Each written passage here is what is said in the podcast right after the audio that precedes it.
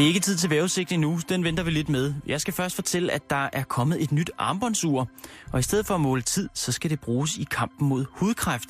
Et nyt forskningsprojekt skal kortlægge, hvor meget ultraviolet stråling danskernes hud udsættes for om sommeren og på solferien, og det gør man ved at give op mod 5.000 danskere en UV-måler på armen. Projektet, der går under navnet Mit UV, er en del af kræftens bekæmpelse og Trykfondens solkampagne. Og den skal ifølge kampagnemedarbejder Brian Køster give den enkelte, brugen af, den enkelte brugerapparatet et præcist skøn af, hvor meget stråling man er blevet udsat for. Formålet er at indsamle detaljeret viden om danskernes soladfærd og eksponering for UV-stråling. Vi har i mange år målt danskernes adfærd i solen ved hjælp af spørgeskemaer, men nu kan vi foretage en faktisk måling af, hvor meget UV-stråling vi i virkeligheden får, siger Brian Køster. Danmark er blandt de lande, hvor flest mennesker rammes af hudkræft på grund af solskoldninger og mange år med for meget UV-stråling. Det skal kampagnen være med til at ændre. Og så skal jeg rette et telegram, jeg fik sagt, øh, læst højt i sidste time. Sydafrikas tidligere præsident Nelson Mandela er stadig indlagt på hospitalet i Pretoria, hvor han har været i næsten tre måneder. Det oplyser landets regering ifølge Reuters.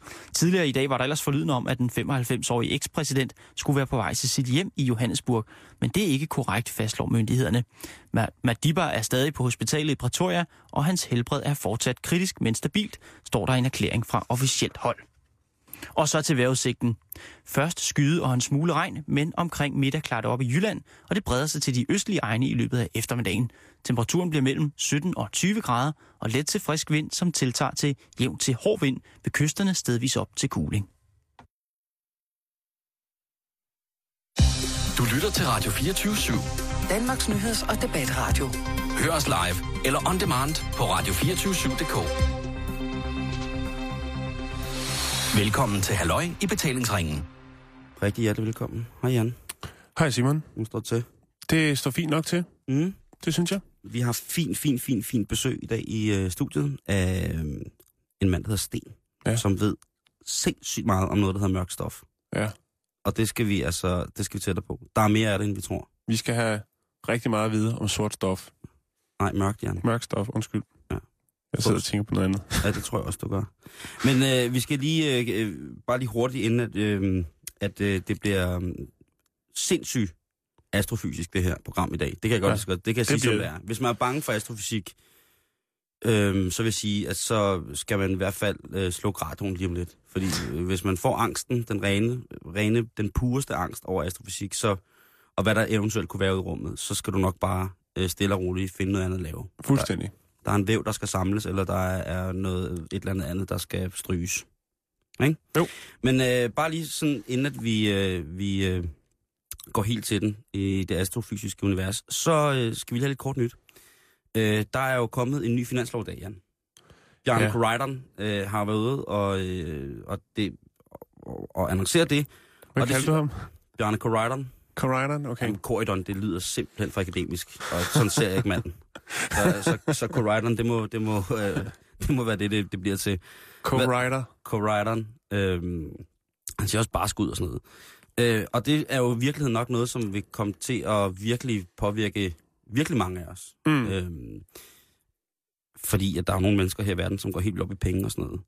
Øh, men Helle Thorning, hun vælger så at lige at smide en trumf, der hedder, at øh, i Syrien, der går lortet jo ned for tiden, og det er Mm. ganske forfærdeligt, og der er jo de her FN-observatører nede og tjekker, om der er blevet brugt øh, giftgas og sådan nogle ting, og sager, som kunne være en humanitær katastrofe af en anden verden. Helle, hun siger nu, øh, prøv at høre, hvis der skal være krig dernede, ikke? hvis der er nogen, der skal hjælpe, så gør, så gør Danmark det. Vi, vi vil gerne med.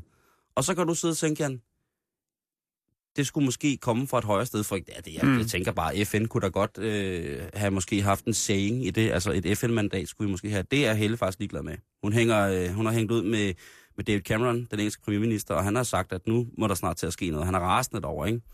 Så, øh, så hun, i stedet for at vi alle sammen ligesom kunne koncentrere os om, hvad betyder den nye finanslov egentlig for os, så skal vi nu forholde os til, at, øh, at lige som vi er ved at få alle pigerne og drengene hjem fra Afghanistan, så, så vil vi gerne i krig igen uden FN-mandat. Jeg synes, det, det... Altså, jeg ved ikke, om det er en torn i, Velkommen hjem. I skal bare over i den flyver der. jeg ved ikke, om, om det er en torn i øjet på generalsekretæren, her Anders Fogh, øh, eller hvad det er, men Jeg synes, øh, det, det, det er dårligt, dårligt, altså dårlig politisk taktik, det der. Mm. Mm. At, øh, at, at det er selvfølgelig vigtigt, at det kommer frem, at hun siger det. Fordi så tænker man, oh, oh no, crazy woman again. Jeg vil jo godt have, og det nu, uden det skal blive meget politisk, så synes jeg jo godt, at man kunne tillade sig at spørge i FN. Hey, altså tyskerne for eksempel, Jan, Mm. de siger, nej, Nej. nej, nej, nej. Vi kommer ikke til at være med i det der. Og hvad, hvem, hvem ved så, hvad der kan ske? Men i hvert fald så synes jeg bare, at det er en utrolig... Altså, jeg tror, at min, min øh, treårige nevø kunne strategisk planlægge et bedre øh, comeback, hvis Helle hun skulle have boostet sin selvtillid lidt, øh, end at smadre alt fra Bjørn Kreidons. Altså, vi har hørt meget om de der finanslovsforhandlinger, ikke? Det kan også være noget med noget, øh, noget militært materiel, der skal slides lidt, så der kan blive indkøbt noget nyt. Det kræver ligesom, at det bliver brugt jo. Ja, vi mangler jo helt sikkert et eller andet kæmpestort fly, som kan bombe og terrorisere alle mulige øh, søde mennesker. Øhm, så skal vi også lige runde, nu når vi er i politik. Øh, Ja, nu bliver det, nu bliver det vigtigt. ja, nu, ble, nu, nu bliver det faktisk alt sat til side meget vigtigt. Søren Pinds hår. Ja, det er meget om, du, omdiskuteret hår. Prøv lige at tale om en mand, som er furios. Han er rasende. Ja, Nu synes han snart, at folk skal holde kæft med hans hår. ja. Altså, han har jo virkelig skiftet frisyr, kan man sige. Ikke? Han har haft øh, det, den samme øh, pindsvinfrisyr i, i, i hvert fald i 15 år, 15-20 år, ikke? Ja, det må man sige. Og før det, der havde han rigtig mange problemer med sit hår, fordi han, der var ikke en frisør, der kunne tæmme det, så det tog ham faktisk også temmelig mange år at finde en frisør, som rent faktisk øh, kunne gå til hånde i det her øh, virkelig, virkelig, øh, ja, flotte omega-3-baserede hår. det har jo glans og fylde og vækst, som, altså, jeg er da glad for, altså, Men det der, det, der er sket nu, Jan, det trodser jo alle former for, når jeg er fysiske love, hmm, og anden form for, øh, for morale og etiske rammer omkring mode. Det er jo blevet, og nu siger jeg det som det er, han er jo en gråsprængt herre. Og det klæder ham, synes og jeg det faktisk. klæder ham Ja. virkelig, virkelig, virkelig. Det, prøv at man tror altid lidt mere på folk med glasøjne, når de har gråt hår. Ja. Det gør man jo. Altså, det, sådan er det reglerne jo bare. Fuldstændig. Det, der så er sket, det er, at han har fået en frisyr, som, jeg ved ikke, hvordan man skal forklare, hvad den er. Nej, altså jeg tænker, hvis han kører lidt længere ned i panden, kunne han sagtens være, altså, være øh, medlem af det fantastiske øh, idolband, der hedder One Direction, for eksempel. Han er lidt derovre af. Altså det, som jeg ser, det er, at han har sådan meget, meget, meget langt hår i den ene side, som sådan falder ned lidt over ansigtet. Ja, Sådan som man ser de for eksempel subkulturelle, øh, hvad hedder det, modeting, som omhandler øh, kulturerne emo og goth. Ja. Men så i særdeleshed også K-pop. Altså øh, asiatisk popmusik. Ja. Og så igen, jeg ved, der er rigtig, rigtig mange japanske tegneseriefreaks, som sidder derude og tænker, han har gået manga på den måde. han har jo fået det er godt spottet, Simon. han har fået en manga frisyr nu, Søren Pind, som, som ingen, øh, medmindre de klæder sig ud til, til manga-aften på Randers Bibliotek, vælger at gå med på den måde en mand Mm. i den alder. Og hvis Søren Pind gerne vil frem, fremstå som værende øh, den største manga-freak i Danmark, så, Så er det spot on. så er det, prøv at det ikke bare spot on, så er det frisyren to end all. Altså, vi mangler en oldermand i Dansk Mangaforening. En, som kan stille sig op øh, og på en eller anden måde have en, en, en autoritet og, og, og snakke om, han. hvad vi kan gøre for, at øh, økonomien for eksempel er bedre. Der bliver tilført flere penge til forskellige manga-arrangementer og sådan nogle ting. Men ja, en gammel udgave af en mand fra Cape. Øh, for, men du siger One Direction? Ja. Eller nede hos min frisør, Ankara, nede på Istergade, hedder den der faktisk bare nummer 13. øhm, jeg har ikke selv prøvet den endnu. Nej. Men det kunne da være, man skulle prøve. Det er jo jeg også også ved at være lidt, være lidt grå, Nå, så det kunne da godt være, at man skulle prøve den. Altså, han går all in, ikke? Der er mange, der, der er ved at blive gråhåret, som øh, vælger at klippe deres hår kort, så man ikke kan se det, ikke? Mm. Øh, men øh, Søren Får du Pind er ikke krøller, Jan? Jeg synes, jeg ser nogle billeder Jeg får dig. så- sindssygt mange krøller. Så går det jo ikke. Så skal Nej. du glatte det og alt muligt. Jeg har prøvet at have haft, øh, altså, det hår, som jeg havde, da jeg var 13, har jeg prøvet at have haft for syv år siden. Prøvede bare at lade det gro. Og jeg havde det virkelig som om, jeg havde den, øh, altså, den ondeste cashmere-hue på. 24-7. Altså, det var ikke sjovt. Det var varmt. Faktisk, Simon, så er det sådan, så at øh, der faktisk er mange inde på Søren Pins Facebook-side, der siger, at øh, de kan simpelthen ikke koncentrere sig om alle de kloge, han siger, på grund af hans nye hår. Øh, men hvad der er mere vigtigt, synes jeg, i hvert fald for Søren Pind, og det er noget, som kan give ham lidt, øh, lidt øh, gejst tilbage, det er ja. faktisk, at øh, pigerne er vilde med Søren Pinds nye hår. Ja, ja. Øh, Lone for eksempel siger, jeg synes, dit hår er fedt, meget spændende frisyrer, det ser skide godt ud. Vibeke, hun skriver, du er alle tider, Søren. Du kan synge som Elvis, give gode kommentarer om lørdagen, behold dit garn, det er flot. Jette skriver, skriver, griner, eller grineren må det være, du er stadig en lækker haps, Søren. Ja, nu står på festen kraftet rundt. Og så er der en, der skriver her, det er Anne, hun skriver til Søren, det distraherer altså en smule, håret altså. Når man øh, er ærlig af hjertet, så vil jeg gerne øh, sige, at øh, det er fair nok, alle har krav på lidt tid til at eksperimentere. Det er rigtigt. Ja. Det, og, man, og hvis det er en, en eksperimentfase, som Søren er inde i, så synes jeg, man skal gøre som... Øh, Men så skulle han jo bare have sagt det jo. jo, jo, men så synes jeg måske... Jeg er på vej mod noget nyt. igen øh, det der akademiske tillæg, man skal, skal have, øh, eller man kan, eller vil, eller skal, om, eller om, om man skal tillægge det til Søren Pind, det der med, hvis det nu har været, øh, altså han kunne sige, at han var på, på øh, hvad hedder det, sådan en, en, en, en rejse i sig selv, Mm. så vil jeg tro, altså han, altså at, så vil jeg tro mere på det. Men der er jo også mange dirigenter, som vil være sindssygt glade for hans hår. Det er faktisk sjovt, du siger det, for der er faktisk en, der har kommenteret her ret øh, fantasifuldt øh, på Søren Pinds. Øh, han har jo selvfølgelig lige gået øh, frem i skoene og sagt, at øh, nu må I holde kæft med at snakke om mit hår. Ja. Så er en, der hedder Kasper Louis, som har skrevet her, øh, tror der er mange symfoniorkesterdirigenter fra den daværende Østblok, der ville melde sin tante til KGB, hvis de dermed også kunne opnå retten til at svinge samme hårpragt øh, som din til diverse Tchaikhov, øh, værker af Tchaikovsky, skriver han.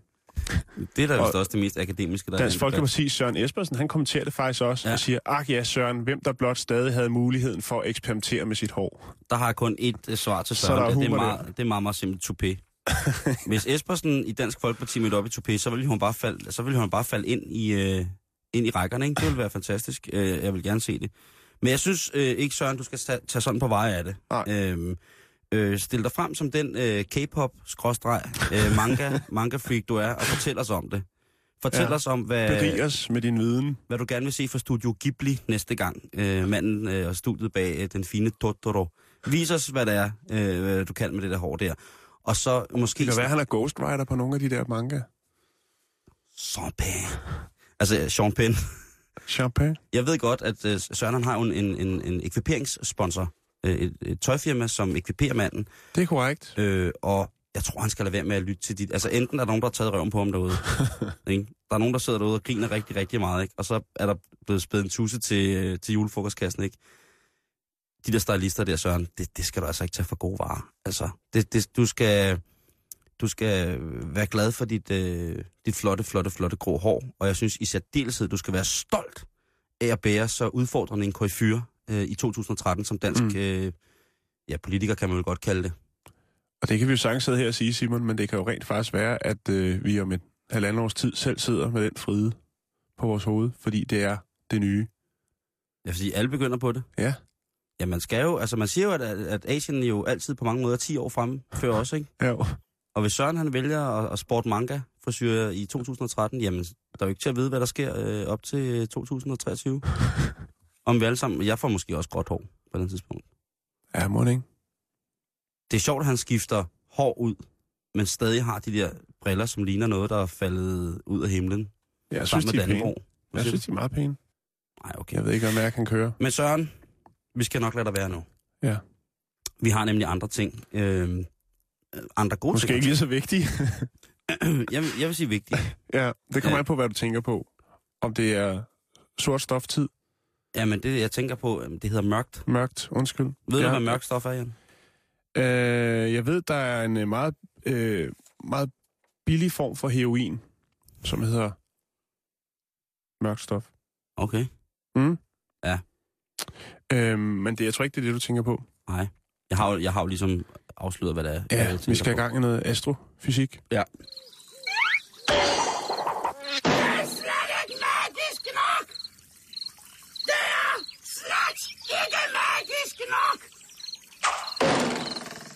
Du lytter til Halløj Betalingsringen på Radio 24 Og vi skal byde øh, rigtig, rigtig, rigtig hjertelig øh, velkommen til Sten Hansen. Tak skal du have. Tak fordi du vil komme. Du er lektor i astrofysik på DARK. Eller DARK. Dark Cosmology Center. Øh, Niels Bohr Instituttet, øh, og du er forsker i mørk stof og det tidlige univers.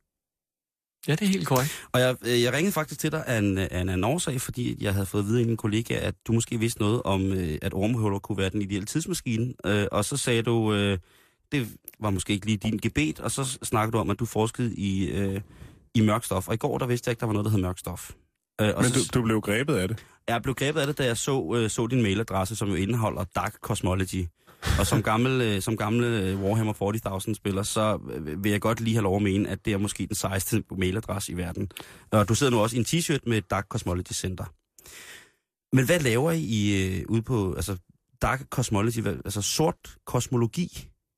Mørk kosmologi? Ja, betyder så grunden til, at vi overhovedet tog det navn, det er selvfølgelig, præcis som du siger, det er et spørgsmål om, hvordan man lettest tiltrækker penge, så man kan ansætte flere folk til at lave noget god forskning. det, at vi så tilfældigvis øh, studerer mørk stof og mørk energi og det mørke univers generelt, det er så bare lige en sidegevinst. Men altså, vi, vi kigger på mange forskellige ting ude i universet. Vi kigger på, øh, på de fjerneste galakser, vi overhovedet kan se. Vi kigger på dem lige på det øjeblik, hvor de går fra at være helt mørke, til de begynder at lyse. Så kigger vi på det mørke stof, som, som så er mit lille område. Og øh, vi kigger også på for eksempel på støv, som gør, at nogle af de ting, man egentlig ville kunne se ude i universet, at det lys fra dem, det ikke helt kommer ned til os. Så på den måde, så gør støvet også noget af universet lidt mørkt. det er, jo, det er jo bare fordi, at jeg synes jo også, det er fantastisk, at du både er, er forsker i mørk stof, øh, øh, mørk energi og generelt i det mørke univers. Altså det, for mig har det nogle helt andre betydninger. Det skal jeg nok ud om det. Det vi skal snakke om, det er øh, det, der hedder mørk stof. Det har vi snakket, sagt nogle gange nu. Kan du, øh, kan du forklare sådan almindelige dødelige mennesker, hvad det er, mørk stof egentlig er? Hvornår opdagede man mørk stof? Altså, man har, man har egentlig vidst, om, at der eksisterede mørk stof i mange år, men man har ikke helt troet på de observationer, som folk lavede helt tilbage for måske for 80 år siden, var faktisk de første observationer, man lavede. Det svarede lidt til, at Men, undskyld, jeg afbryder. Mm. Øh, det er bare lige inden, at vi får at vide, øh, hvad det er. Eller så, øh, nej, undskyld. Nu råder jeg. Hvad var det, du spurgte om? Ja, Ja. hvornår man opdagede det? Nej, hvornår, hvornår det, det, Ja. det, det, det kan vi nok godt. Øh, men det, vi, jeg vil egentlig hellere have at vide, hvad... Hvad det er? Ja, hvad snakker vi om? Ja, så det, så det man har observeret, det er, at øh, hvis man kigger på ting og sager ude i universet, så viser det sig, at, øh, at der er noget galt. Nogle af de observationer, vi lavede, dem kan vi ikke forstå.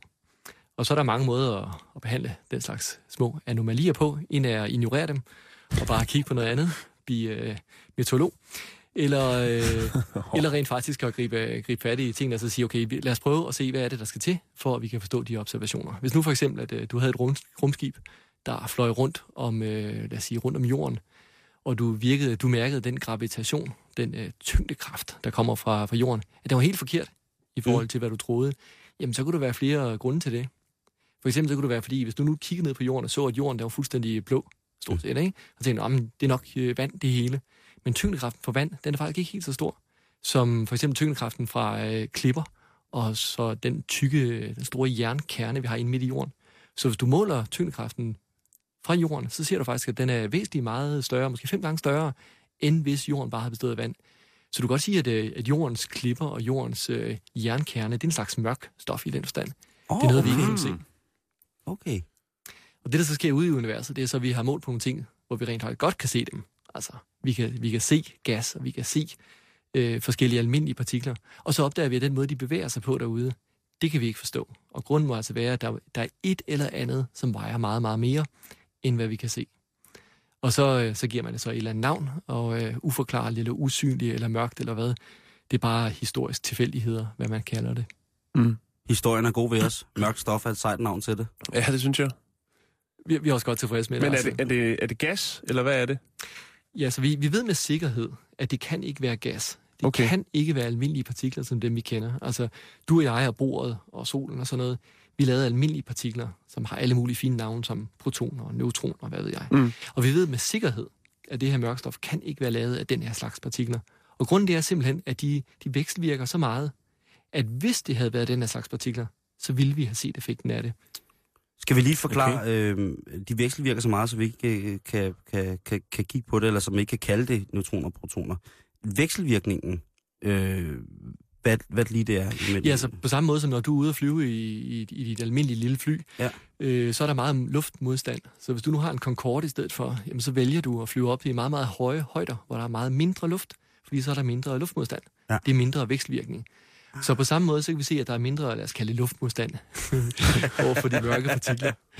Øh, men altså med en meget, meget, meget stor faktor. Ikke bare den lille faktor, som det er her ved at bevæge sig op i atmosfæren, men en meget, meget, meget, meget stor forskel. Og det er jo ikke fordi, at øh, det er sådan, der er helt vildt lidt af det her mørke stof. Hvis man kigger på, øh, går ind på internettet, bare ja, og gør det, øh, så kan man jo læse, at der er altså, de, altså stjerner og ting, vi kan se, og sådan ting, solen og vores planeter og sådan ting, og sager, det er en lille bitte, bitte, bitte procentdel af, af universet, selvom vi tror, det hele drejer sig om os. Øh, men hvor at for eksempel mørk stof øh, fylder utrolig meget mere øh, end, end hvad vi tror, øh, eller hvad planeterne gør for eksempel. Ja, altså præcis som du siger, hvis man prøver at tælle op alt det, man kan se, man kan tælle stjernerne og planeterne og gasset og alt det der, så ser man, at det udgør cirka 4% af, af alt det, vi kan måle der i universet. Mm. Så de andre ting, det er så øh, netop det mørke stof, som udgør cirka 6 gange så meget. Det vil sige, at hvis du mener, at solen og jorden, det er vigtige ting, jamen, så er der så noget, der er cirka 6 gange så meget af noget andet, som vi så ikke ved, hvad er, men som har den samme øh, tiltrækkende effekt, som almindelige partikler også har. Og det er det, vi kalder mørk stof. Og udover det, så er der så en resterende cirka 70 procent af noget, som, som vi ikke rigtig ved, hvad er, men som vi så kalder ja, mørk energi. Yes! Ja, så er du på, Simon. Nu er, jamen, jeg, Du er jeg, endnu mere på. så så det, det, jeg lige skal prøve at forstå nede i min øh, lille hjernesten, det er, at der findes noget ude i rummet, eller generelt, der findes noget ude i rummet, som har øh, samme tiltrækningskraft, altså som, som når vi, altså tyngdekraften på, på jorden, som vi simpelthen ikke ved, hvad. Vi ved ikke, hvor tiltrækningskraften kommer fra. I Ja, det. Lige, lige præcis. Så hvis du tog din, øh, din kuglepind, øh, Mm. som du har i hånden, og slipper den, så ved du godt, at den ryger nedad. Den ryger ned imod jorden, ikke? Ja. Men hvis du nu slap den og opdagede, at den røg sidelæns, røg over og ramte Jan i maven, Ja. øh, så vil du nok blive lidt overrasket. Jo. Fordi du vil ikke kunne se, hvorfor det var. Men hvis nu der havde ligget en stor klump mørk stof herovre i området, så kunne det være den, der var skyld i det. Og det er lidt det, vi observerer ude i universet. Nogle steder observerer vi, at det mørke stof, det ligger sammen med, altså nærmest i samme område som det, de almindelige partikler, vi kender og kan observere. Og nogle få strukturer har vi observeret, hvor det rent faktisk ligger sådan ved siden af. Betyder det mørke stof noget for os i vores hverdag her, når vi går har vores daglige gang på stjernen jorden? Nej, overhovedet ikke. Nej. Absolut ensid. Og hvis du kigger på de næste 10 år, så får det heller ikke nogen påvirkning på, på noget som helst. Nej, så, kan jeg, så skal jeg jo spise i aften. Hvad hedder det? øhm, Er, er det farligt? Nej. Øh, Så igen det der med den der luftmodstand, den der vekselvirkning. Vi kan Mm. faktisk øh, måle, hvor meget det, øh, det ligesom rører eller ser vores verden. Og vi kan måle, at den, det, det rører eller ser vores verden utrolig lidt. Og det vil sige, at øh, vi ved sådan, at i, i solens område, omegn, der ved vi nogenlunde, hvor meget mørk stof der er. Men vi ved også, at vores øh, i øvrigt meget følsomme detektorer, vores måleinstrumenter, kan ikke måle direkte vekselvirkning. Altså de kan ikke måle, der er noget, der siger bing, fordi de bliver ramt af mørk stof. Mm. Og det vil sige, at, øh, at vi skal ikke være bange for det. Det er ikke sådan, det kommer ned og, og rammer os og ødelægger ting og sager. Det er Jeg vil, jo, jeg vil jo aldrig blive bange for, for mørk stof. Når, når du har givet det navn, så, så hylder jeg jo det mørke. Så hvis det hvis en dag kom til jorden, så ville jeg jo være en af de der tosser, der stod med sådan en papskilt. Tag mig. Vis mig noget nyt. Hvad hedder det? Øhm... jeg, læser, jeg sidder og læser nogle artikler øhm, i går øh, i forskellige øhm, øh, sådan videnskabsmagasiner, engelske og, øh, og danske. Og så finder jeg ud af, at, øh, at du siger jo her, at, at det ligesom er, er usynligt, altså at man ikke kan... Men jeg finder også en artikel faktisk, hvor nogle af dine kollegaer fra Niels Bohr Instituttet øh, taler om, at man... Øh, om øh, en, en observationsstation, som har været øh, i forhold til Planck-satellitten, at man nu har set sort eller mørk energi. Ja, altså, så man ser effekten af det. Ah, det er det. På samme måde som, øh, som altså, du kan se effekten af, af en sammenligning, det kunne være med, med månen. Hvis nu er det, en af mine venner er faktisk blind, og, øh, og det kan selvfølgelig være, jeg kan se månen, jeg kan pege på månen, og jeg siger, den er lige deroppe. Men, men han kan faktisk blive overbevist, og han er faktisk overbevist øh, helt af sig selv, om at månen eksisterer. Det han har gjort, det var, at han satte ud i havet, og stak hånden ned tæt ved havet, og ventede i, ja, det blev så i 12 timer, på at tidevandet bevægede sig op og ned.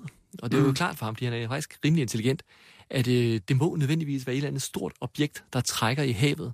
Mm. Og dermed kunne han faktisk finde ud af, hvor månen, eller hvor månen er henne. Øh, I princippet ville han også kunne finde ud af, hvor meget månen vejer. bare ved at måle på tidvandets, øh, hvor, hvor, hvor meget det bevæger sig op og ned hernede.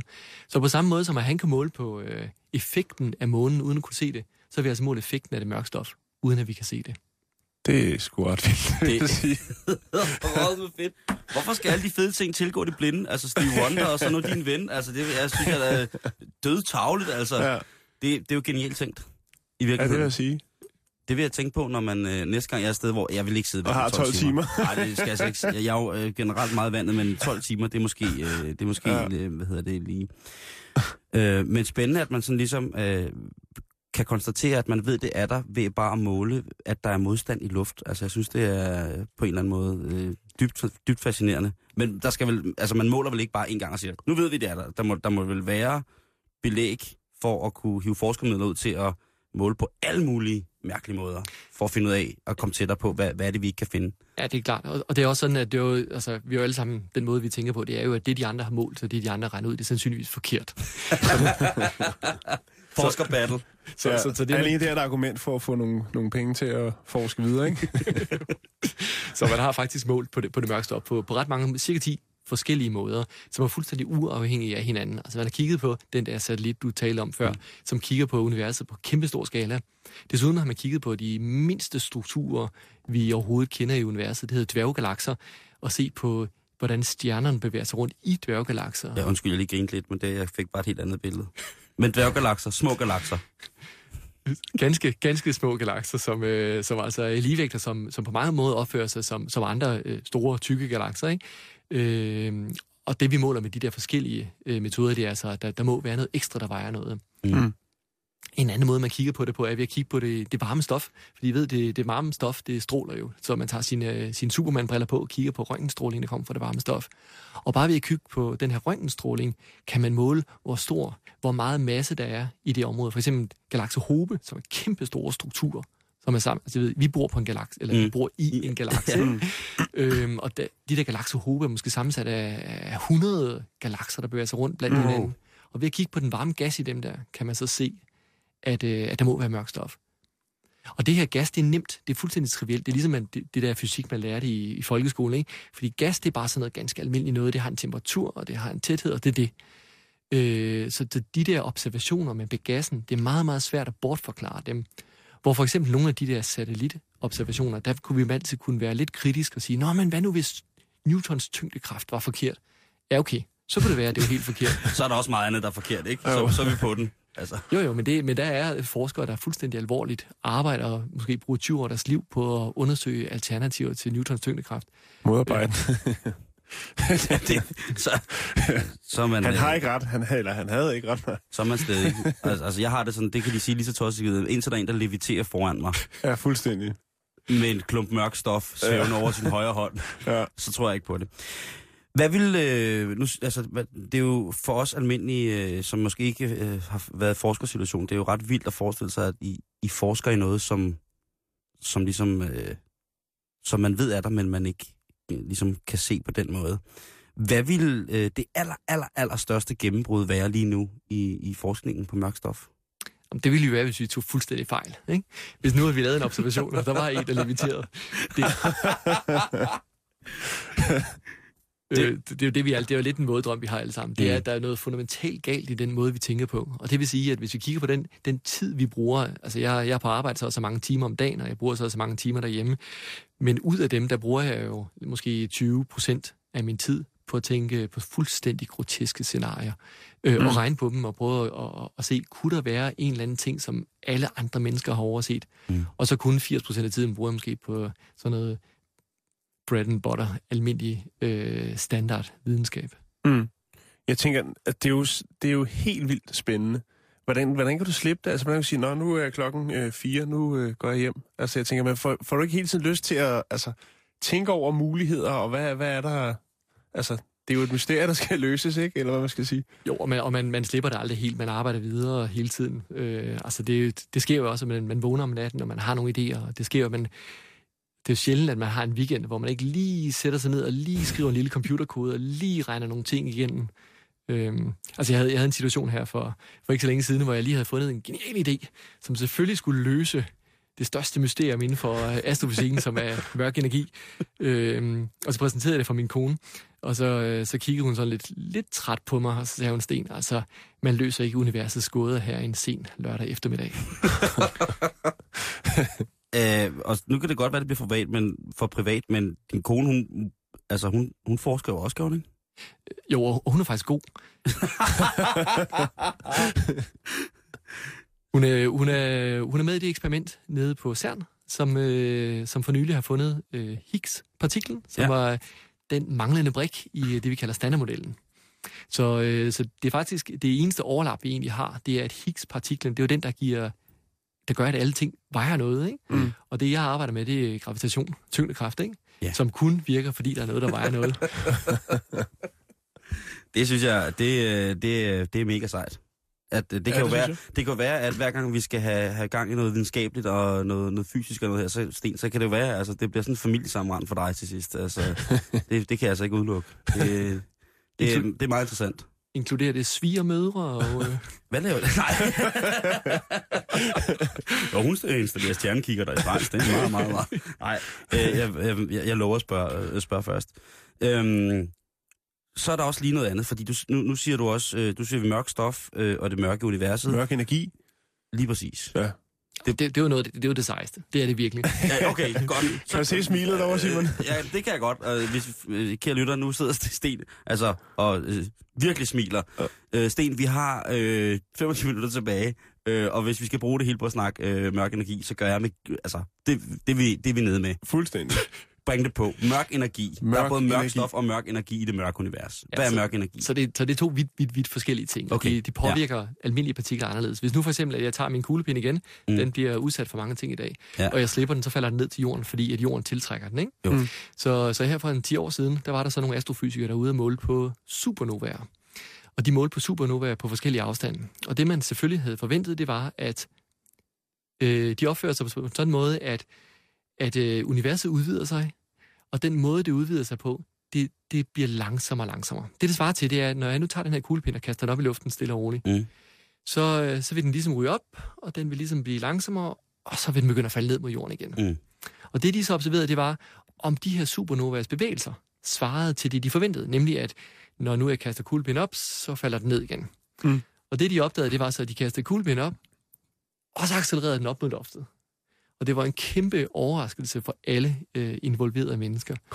Og, øh, og det er jo svært at forstå, fordi det er faktisk noget, der, man kan godt sige, det minder lidt om noget, øh, det, det- modvirker på en vis vis øh, tyngdekraften. Ja.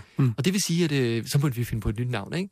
Og den måde, det, det opfører sig på, det minder faktisk om, om noget, som Einstein indførte. Øh, han indførte det af helt andre grunde i sine ligninger der for efter mange år siden, øh, som får universet til at accelereres. Vi ved jo fra observationer i dag, ikke? at øh, hvis jeg kigger på en galakse, der ligger et stykke væk, så bevæger den sig væk fra mig. Og hvis jeg kigger på en anden galakse, der ligger endnu længere væk, så bevæger den sig endnu hurtigere væk. Det er fordi universet udvider sig. Okay. Det har vi observeret. Men det vi opdager i dag, det er så, at universet det udvider sig hurtigere og hurtigere. Det vil sige, at hvor vi forventede, at det ligesom skulle sætte hastigheden ned, så er der et eller andet, der gør, at det accelereres. Wow. og det, det er mørk, at- det er mørk Det er energi, mørk der, energi. Sten. Lige der. Og det, og det er også et af de ting, hvor vi så, nu har vi efterhånden målt det på en, en, to, tre, fire forskellige måder, og alligevel så er der mange astrofysikere, der sådan tøver lidt og siger, ja, vi har godt nok målt det, men det er jo de andre, der har målt det. Så det kan godt være, at der er noget galt til et eller andet sted. Der er også stadig skeptikere, nu sad jeg og læste i går om det, øh, altså det der med, at jamen, altså, mørk stof, det, det er noget vås. Altså, der, der var nogen, altså, hvor, hvor man sådan tænker, er I fysiker, eller hvad er I? Altså, hvis man har målt så meget på det. Øhm, mørk energi er det, kan jeg læse mig frem til, der fylder aller, aller, aller, aller mest i universet. Ja, ja, så det der sker, det var i det tidlige univers, hvor universet var, altså for eksempel, lad os, lad os tage et, et, et volumen, som øh, det rum, vi sidder i her, ikke? Mm. det fylder jo så også mange kubikmeter. Ja. Øh, fordi universet udvider sig, så hvis vi gik tilbage for nogle milliarder år siden, så det volumen, det var meget, meget mindre. Okay? Og det vil Ja. sige, at når det er meget, meget mindre, så, så er partiklerne presset tættere og tættere på hinanden. Ja. Det vil sige, at effekten af de partikler, der vejer noget, den er meget, meget stor. Okay? Mm-hmm. I dag, hvor det hele bliver sådan tyndere og tyndere ude i universet, mm. så er det faktisk den der, det der mørke energi. Fordi det, øh, det kommer til at betyde mere og mere, jo mere volumen, der kommer i universet. Det vil sige, at hvis vi havde været super uheldige og havde levet måske for 10 milliarder år siden, så havde vi ikke haft muligheden for at måle den mørke energi. Fordi Det- den ikke var eksisterende. Den eksisterede simpelthen ikke på det tidspunkt. Og hvis vi nu havde været uheldige, og vi havde målt, hvad jeg siger, om, om 200 milliarder år, jamen så havde den mørke energis effekt været så stor, at vi ikke havde kunnet se andre galakser. Vi ikke kunne se andre strukturer. Og vi ville virkelig have troet på, at vi var den eneste struktur i hele universet, vores lille galakse. Det vil sige, at vi er faktisk ret heldige, at vi tilfældigvis lever lige præcis i dag, hvor mm-hmm. vi har muligheden for at måle den her mørke energi. Det er ret vildt. Det er, altså, prøv at høre, mit hoved vil eksplodere.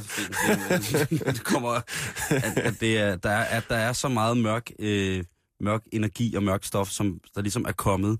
Men det giver, jo, det giver jo i virkeligheden en god mening, det der med, at når universet ekspanderer, øh, at så kommer der jo, øh, hvor der før har været en masse forbindelser, så kommer der nogle, nogle rum, øh, hvis man kan sige det på den måde, som opstår, fordi at man jo fjerner tingene fra hinanden, som der et eller andet skal, skal opstå et eller andet i, men hvorfor bliver tingene ved med at fjerne sig fra hinanden? Det gør det jo så blandt andet på grund af, at øh, man kan måle sig frem til, at der er noget, der hedder mørk energi og mørk stof.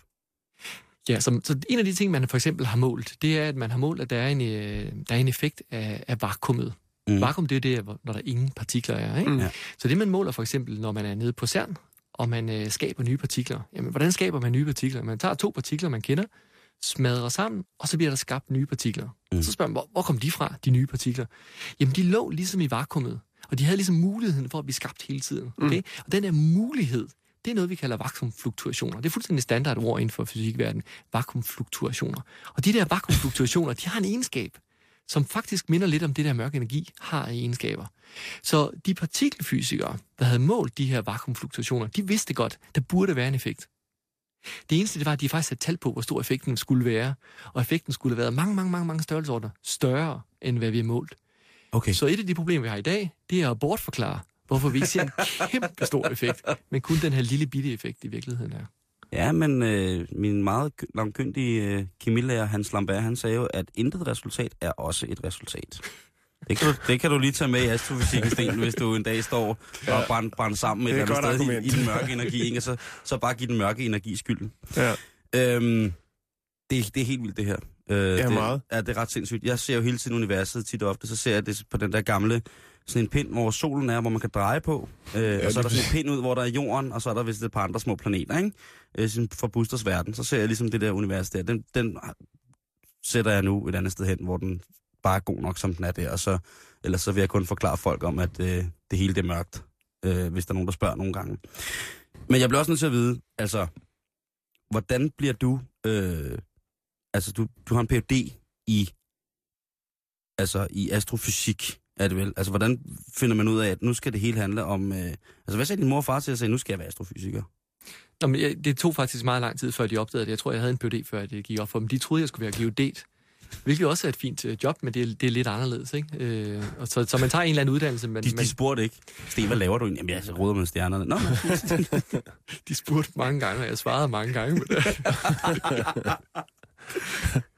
altså, man, man, man skal jo gøre, hvad man synes er sjovt, ikke? Øh, Helt bestemt. Og det er, jo, 100%. det er jo det, man skal jo... Så jeg startede en eller anden vej og lavede noget fysik, og så pludselig opdager man så, at hov, det der tidlige univers, det er da super spændende. Så for eksempel til min PhD, der brugte jeg tre år af mit liv på at regne ud, hvad var det, der skete i universet, da universet var cirka et sekund gammel. Der skete jo faktisk noget helt vildt. I ved, der er de der almindelige partikler, der hedder neutrinoer. To De- sekunder, to sekunder, Sten. Jeg har lige noget, jeg kan, jeg kan to sekunder. Nu skal du lige høre her. Jeg har, øh, skal lige finde noget frem her til dig. Så, kan vi, så skal du fortælle det, for der er et sekund, øh, da universet var et sekund gammel, så prøv at høre den her lyd. Da universet var et sekund gammel. Men hvad så? Hvad skete der der? Jamen det, der skete, det var jo, at de der neutrinoer, de ligesom holdt op med at vekselvirke med alle de andre partikler, der var rundt omkring dem. Og det, der sker, når de holder op med at vekselvirke, det er, at så bliver der muligheden for, at de partikler, vi kender i dag, helium og lithium og sådan noget, at de faktisk bliver skabt i de mængder, de bliver skabt i. Så når, vi, når I går ud med jeres øh, lithiummåler og heliummåler, og måler, hvor meget der er ude i universet, så den mængde, I måler, det er faktisk noget, der blev bestemt af neutrinoerne i det tidlige univers. Og neutrinerne var også partikler. Neutrinoerne, det er nogle af de mindste partikler, vi egentlig kender. Ja. Og, men de holdt op med at vekselvirke, og så gav de helium muligheden for at blive skabt. Så man kan faktisk regne ud, hvor meget helium der skulle være i universet. Og det kan man så bruge tre år af sit liv på, hvis, øh, Jeg var med svedet at være, være den mindste partikel, man kender, så bare øh, så tænk, ved du hvad, det der vekselvirkning, ikke? Det der modstand der, det åh, kan jeg ikke. Skal vi ikke bare... Hvem stemmer for, at vekselvirkningen, den skal ud? Alle os neutrinoer her, der er gået et sekund. Ja. Ja, okay, det kan, ved du hvad, Det bliver nej tak herfra. det bliver nej tak herfra, men ved du hvad, så må du, så må du blive et mærke proton, som skal lave noget andet, fordi at, øh, det kan vi altså ikke bruge til noget. Det er æderrødme, æder, æderrødme, sejsten. Ja, det synes jeg. Prøv at høre, øh, der kan jo godt øh, her i betalingsring opstå øh, andre spørgsmål om, øh, om universet og øh, astrofysikkens øh, magiske, magiske, mørke, mørke, mørke energi. Må vi godt ringe til dig igen? I er velkomne. Det er rum fedt, Jan. Meget. Øh, mit hoved det er stadig ved at eksplodere. det, øh... Hov, jeg skal lige, øh, der, der er lige en anden ting, jeg skal spørge dig om, som jeg kommer i tanke om. Øh... Star Wars eller Star Trek? Star Trek. Sten, tusind, tusind tak, fordi du gad at bruge tid sammen med os. Øh, og tak fantastisk. for at øh, enlighten os omkring øh, mørk øh, energi og, øh, og mørk stof i det hele taget af universets mørke. Det er, jeg, jeg, er Jeg er sikker på, at jeg kommer til at at drømme om mørk stof i aften, når jeg lægger hovedet på hovedpuden. Prøv at høre. Min verden er ganske, ganske mørk.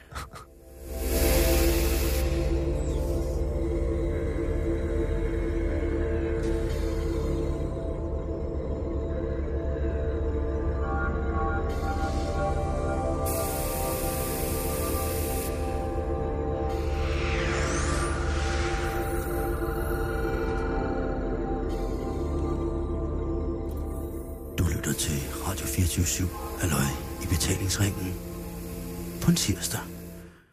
Wow, Jan. Ja. ja, altså... Jeg kan godt forstå, at, øh, at Sten han er fascineret af det, for det er jo, altså... Det er vildt, det der. Det, han lige brækkede ned for os der, det er... Jeg, jeg, jeg, jeg, jeg, jeg er ved at smelte. Men altså, jeg vil også bare sige, når, når man Mit er sammen med folk, der er så meget inde i deres ting, altså, ja. så, så er det jo klart, man bliver reddet med. Det er jo Men fantastisk. Hey, han havde jo den vigtigste pointe i hele verden. Man skal fandme gøre det, man synes er sjovt, ikke? Præcis. Altså, det, det kan ikke være... Altså, det bliver jo eksistentialistisk og fysisk, og jeg sidder bare... Jeg, jeg går bare og venter på, at øh, der kommer noget, et eller andet mørk energi og tager mig. Mm. jeg bliver den der tosse, der står bare og venter på det. Uha. Øhm, Jan, øh, i går der startede vi jo øh, en, øh, en lille ting øh, med noget marinade, Ja. som hedder, hvad vil du marineres i? Og, ja, og det øh, opstod egentlig ved, jeg tror bare, at... Øh, jeg kan ikke huske, hvad, hvad vi stod og snakkede ud i, øh, i elevatoren mm, på vej op. jeg Og så, og så opstod det bare, jeg spurgte dig, hvad vil du marineres i? Jeg kunne ikke lige komme på det, og så lagde du den altså ned i går, hvor du altså kom med en marinadeopskrift, som gjorde mig sindssygt sulten. Ja, Altså virkelig sulten. jamen det er godt. Så jeg har øh, taget til, øh, taget til genmail i dag. Jamen øh, lad mig høre. Øh, skal jeg Er fortælle det dig? dig eller mig, der skal marineres? Du kan da ikke bare tage min marinade. okay. Det er ligesom, Okay. jeg, Altså... altså, Så er det godt, jeg har lavet min egen. Min hedder Diablo. Nå, okay. så, så, det, det, så, du starter med at tage mig ud. Nej, nej, nej. Jo, jo, jo, jo, Øh, for du har givet den et navn. Du har givet, den, du har givet marinaden et navn. Ja, det havde jeg ikke i går. Nej, det havde du ikke. Der var sådan lidt juleagtigt. Men lad mig høre, hvad, hvad jeg skal marineres i, eller hvad du skal marineres i, selvfølgelig. Min marinade hedder den mørke marinade. ja, selvfølgelig gør den det. Det kan jeg love dig for, den Ja. gør. Så hedder min dværggalakse. Om jeg så... så jeg så bare mange dværge, ikke? Jo. Så det, jamen, det var også det var helt forfærdeligt. Hvad hedder det? Nu skal du høre min marinade. Mm. Jeg vil ramsaltes først. ja. Ja, tørsaltes et døgn. I salt sydet på et lavvandet, solrigt privat syderi i Bretagne i Frankrig. Det er fornemt. Du ved, kysten. Du ved, D-Day. Ja. Så der skal være historik i vandet, hvorfra saltet bliver udvundet fra. Jeg kan ikke bare øh, indhylde mig i øh, natriumkloridkrystaller, uden at der er en vis, form for historisk belæg for den bund, hvor det ligesom er kommet op fra. Og Vel? Læsø sydsalt er slet ikke fint nok. Fuck Læsø Sydsalt. Det er slet ikke fint nok. Det er alt for dyrt. Nå, Så skulle du overveje veje salt. det kunne jeg sagt. Nå, herefter så skal jeg henlægges i en blanding af vilde tørrede krydderurter. Det kunne være vild rosmarin, vild timian, Mm. vilde hvidløg, vandmynte og vild hyld. Senere i processen, Jan, der skal, jeg til, der skal tilføres ufiltreret æblesaft fra min ven Kjelds plantage i Nordvestjylland. det er min marinade i dag. Den mørke marinade. Den er ret vild. Ja, den er lækker, ikke? Jo, det synes jeg. Sådan, at vi salter først, øh, og kemien gør sit arbejde. Vi får et fastere stykke kød. Vi tilfører nogle forskellige eteriske olier, som trænger ud. Det bliver de, øh, det bliver de hvad kan man sige, de, de fedtstofopløselige smagsnuancer, som vi hiver ud af de her krydderier, men i en, et saltet miljø. Og så bagefter så tilfører vi sukker og nogle, ellers, nogle lidt fadere smage, som, som vandmynten og rosmarinen selvfølgelig kan indeholde. Kan man få den som ansigtsmaske? Det er ikke seriøst, det der. Nå, men jeg tænker, det lyder da meget lækkert. Det er, altså, Og så skal du have kogt fjeset ved 180 grader i virkelig mange timer.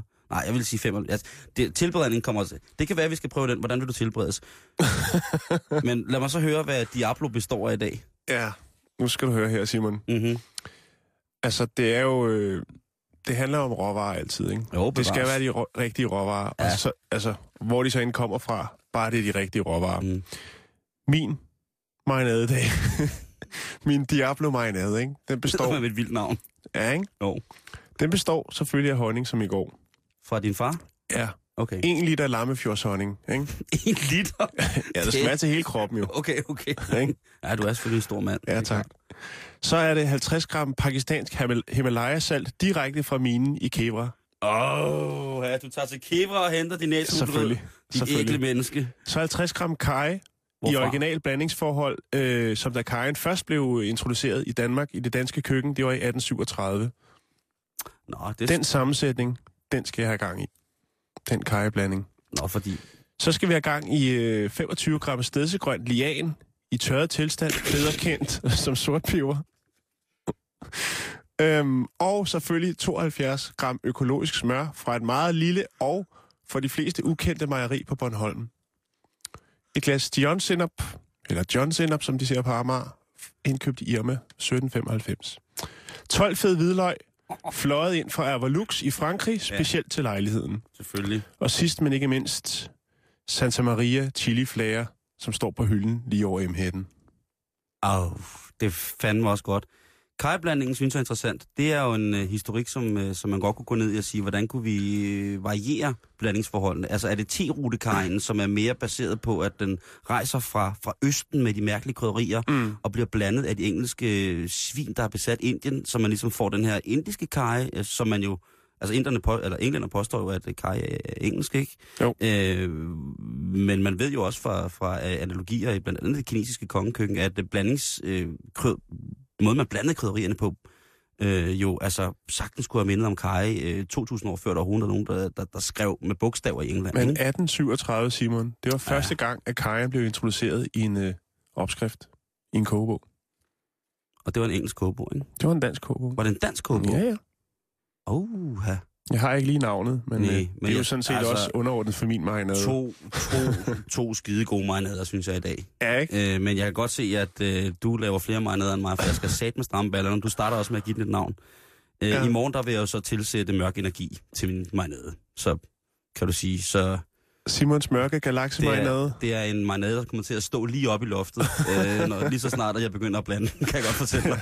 Og partiklerne hænger ikke sammen. Der vil være en vekselvirknings... Øh, man kunne, kunne betragte en vekselvirkning aldrig nogensinde set før i krydderiblandinger. Bare så du ved det. Jamen, øh, så er jeg advaret. Jeg ser frem til det. Øhm, hvis du, kære lytter, har en uh, marinade, som uh, du skal kaste efter os, eller som du tænker, den vil passe godt til mig. altså ikke til mig, som Simon eller til Jan, øh, men den her marinade, den kunne du godt selv tænke dig at blive marineret i. Så er det ind til... så må du skrive til os på facebook.com betalingsringen. Øhm, det vil vi være meget, meget, meget, meget glade for. Jan, øhm, du er jo sådan en, der rejser rigtig meget og tager billeder over hele verden. Ja, Ikke? Det kan du godt lide. Jo. Og det synes jeg også er rigtig, rigtig, rigtig fint. tak. Du har endda fået noget så, så giftigt som anmelderroser. Ja, det er faktisk rigtigt. Ja, det har. En Og- hel del endda. og de, ja, og de er rigtig, rigtig flotte, og det er også nogle dejlige bøger, du laver. Jeg har lige, øh, nu har vi jo snakket med, hvad hedder det, Sten i dag og sådan ting, altså, så jeg blev lidt i det der øh, space-agtige ting, ikke? Jo. Øh, og sådan noget med UFO'er, det kan jeg også godt. Jeg synes jo, at øh, skandinavisk UFO-information er nok en af de fineste og mest oversette hjemmesider i verden.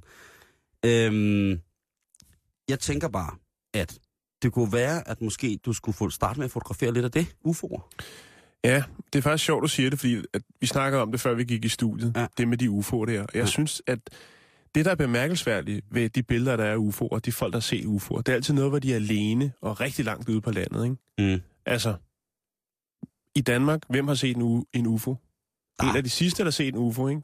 det var Susi fra Susi at leve, og det var helt oppe i Skagen, hvor hun stod alene og så den komme svævende. Ikke? Det var på størrelse med en 5 kroner, som hun beskriver. Øhm, Det var en dværggalakse. det er altid noget. Hver gang jeg, jeg gik på nettet og søgte på det, det er altid noget med folk, der har kørt langt, langt ude, øh, du ved, på den vilde vest, og så Mm. er der sket ting og sager. Ja. Jeg tænker, hvorfor er det ikke, altså dem, der er de UFO'er, hvis de findes, Ja. hvorfor er de ikke nysgerrige på, hvad mennesket laver? Jeg tænker, hvorfor er det ikke lige, at for eksempel du går ud af Bøf og Borgel i Holstebro, og så kommer der en UFO, og så står der 100 mennesker, der er på vej ind i deres øh, øh, Suzuki Splash, og siger, se, der er en UFO. Ja. Det er meget sjældent, at der er mere end en eller to, der ser UFO. Men Jan, helt seriøst. Hvis du... Jeg tænker, dem nede UFO'en tænker, "Åh, det der ser spændende ud, der er både bøf og borgel, det skal vi da lige se, hvad er. Jo, og så jo. svæver de over det og kigger ned. Jo, men man kunne også tænke, at de svævede over bøf og boller, tænkte de, hold nu F, hvor er det kedeligt der, ikke? Vi hvem ved jo ikke, hvad og de så, laver, jo, og så, hvad de og, har. og, så, du ved, Bøf og skulle- plus lidt ekstra har de deroppe. Ja, lige præcis. Ja. Øh, der ryger bowlingkuglen jo sikkert opad. Eller ud til siden og Lige rammer mig præcis. i maven. Ja. Hvad hedder det? Jeg tænker bare på, hvis man er, er hvis man sidder i UFO'en og på vej ned til jorden, Mm. øh, og så der tilfældigvis er en, der virkelig gerne vil UFO'en, ikke? og tænker, øh, det kunne være mig for eksempel, så Mm. kunne jeg stå med min stanjolhat i sådan en, en boosterkappe med måner og stjerner på, ude midt på en mark, med to rom og lys, ikke? og sige, tag mig land her, ikke? så vil de også sikkert også tænke, ah, den der livsform, det, det kan vi sgu ikke rigtig, det er, Nej. det er sgu for sent, det kan vi ikke rigtig bruge til noget. Nej. Men Det kunne de også godt tænke allerede, jo. stort set lige meget, hvor de lander. Ja, det tror jeg. Hvis man bare er en lille smule mere effektiv, end øh, hvad vi øh, simple mennesker er, så tror jeg sgu, at man vil, man laver den der, hvor man... Kan du ikke det der, hvis man skal ud og kigge på, på et eller andet, hvis man øh, skal ud og købe brugt barnvogn eller et eller andet, så står den, man, man ser et flot billede, så kommer man ud, så står den foran huset, man skal købe den, hvor der er sådan noget, hvor der er ukrudt i, og de har brugt den som sådan et højbede, og der, er den er, der, du ved, kalesjen er gået i stykker, sådan, så tænker man også bare, for hvad, den der, det, det skal vi ikke have med hjem. Vi vender sgu om og, og, og tager tilbage ud i, ud i øh, den mørke energi. Mm. Det kan vi ikke, altså. Lidt ligesom at købe brugt bil. Lige præcis. Der er ikke nogen, der gider have en brugt stjerne, Nej, som man siger. Øh, men prøv at høre. Nu skal du høre, Jan. jeg lytter. Øh, og også til dig, kære, øh, kære lytter, hvis du er, at du er på vej ud i verden, for at finde steder, hvor at man øh, kan øh, se paranormal eventuel aktivitet, eller der er historier fra de steder, hvor der er meget parano- paranormal aktivitet, så skal du lige øh, tage din kuglepen eller din fjer, og dyppe den i blækhuset og gøre dig klar til at øh, skrible ned på pergament. I Autek i Karibien, Jan, mm. det er jo også dejligt at komme derned med sol og sådan noget, sager, ikke? Øh, det er den amerikanske flådes svar på Area 51. Area 51's Roswell og alle mulige ting. Mm. Luftvåbnet, Autek, The Navy. In the Navy. Hvad kan de der? Det er der ikke rigtig nogen, der ved. Man har kun fået lov Der er et øh, wikileaget billede, som er taget fra en flyver. Øh, og øh, det er en fas- kæmpe, kæmpe stor øh, forsøgsfacilitet, som er under vand. Okay. Øh, det kan man se på, på billedet. Øh, der ligger nogle meget dumme billeder ude på, på nettet, eller sådan dårlig kvalitet. Øh, Lidt ligesom Øh. alle billeder af UFO'er er. ja, præcis. Der er aldrig en, der står med Øh. et fedt kamera. Hold nu op. og, så, og folk i nærområdet, de har fortalt historier. Langt og bredt, Jan. Mm. Om blandt andet det, der hedder USO's. USO's. Usos. Ja, og okay. Vi taler ikke om øh, øh, en af Danmarks bedste rapper. Vi taler om Unidentified Submerged Object. Okay. Altså et uidentificerende under overfladen objekt. Ja. Så der kunne du tage hen og fotografere lidt. Tror du kan komme tæt på? Ja. Men det er under vandet, siger du? Ja, så må du... Du har vel, du har vel undervandskamera, er du ikke fotograf? Jo, men jeg har kun øh, certifikat til at dykke 20 meter. Jeg tror ikke, man skal så langt. Tror ikke det? Nå, okay. Så altså Autek Karibien, der skal du hen næste gang. Jo, tak. Øhm, når man læser om det, så øh, hvis man kommer tæt på, så får man øh, ret hurtigt at vide, eller så bliver man ret... Øh, man kan faktisk næsten ikke komme om, om, hvad hedder det, komme i land på øen. Men hvis du kommer tilpas tæt på, så bliver du mødt af nogle vrede, vrede mænd i sorte gummibåde, som siger, du sejler helt forkert. Okay. Og de er meget overbevisende, at det siger, du sejler forkert. Så skal man bare videre. St. Louis Valley i Colorado, USA. Øh, I det sydvestlige hjørne af Colorado finder du St. Louis Valley, Jan. Og her er der set UFO'er i stor stil. Men som bonus er der i området, hold nu fast, også set spøgelser og registreret såkaldte skyggemennesker. skyggemennesker. og så en helt masse anden uforklarlig paranormal aktivitet. Og ja, der ligger lige omkring øh, St. Louis Valley i Colorado rigtig, rigtig mange tophemmelige militærfaciliteter. Det kunne du også få så billeder af. Det, det lyder ret interessant. Men nu kommer en af de bedre. Det er Ventesias Mine. Det er Ventesias mine i Polen.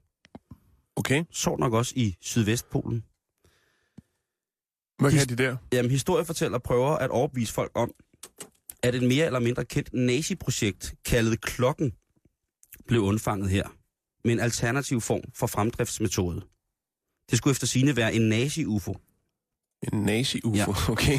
Man havde ved hjælp af bjergede dele fra et kuldsejlet rumskib fået, øh, fået gang i det her projekt. Men altså, hvis man havde gang i det projekt, så var krigen nok endt, som, som var. Så havde sådan nogen som mig nok ikke kunne bo i Danmark, vel? Det kan der være noget om. Øhm, så kommer vi til, til Rusland. Vi skal jo også til Rusland. Og der er der altså beliggende nær Uralbjergene i Rusland, denne 40 øh, hvad hedder det, kvadratkilometer store vildmark kaldet Heaven on Earth. Og det skulle være sådan, at hvis man går ind i den, ind i den skov, Jan, prøv at ind og forestille dig den skov, Mm, jeg er med. og du har ondt lidt i armene, mm. Så når du kommer ud af den skov, så er din arm helt okay igen. Fedt. Og hvad var det, de kaldte det? Det hed M-trekanten. Jeg ved ikke, hvad det ligesom er fra Bermuda og så til M. Hvis det Nå. Bermuda er klassificeret som B i det fonetiske alfabet. Mm. Bravo. Så ved jeg ikke, hvad der ellers ligger indimellem. Men så kan du tage til Rusland. Men jeg har, min arm er okay. Må det mørke stof tage dig. tak. jo, tak. Simon, Øh, det har været hyggeligt. I lige måde. Vi er der i morgen. Vil I os noget, så er det halløjbetalingsringen.com. Nej, Facebook. Prøv at det er også lige meget. Ja. Nu skal du have nyhederne. Du lytter til Radio 24 /7. Om lidt er der nyheder.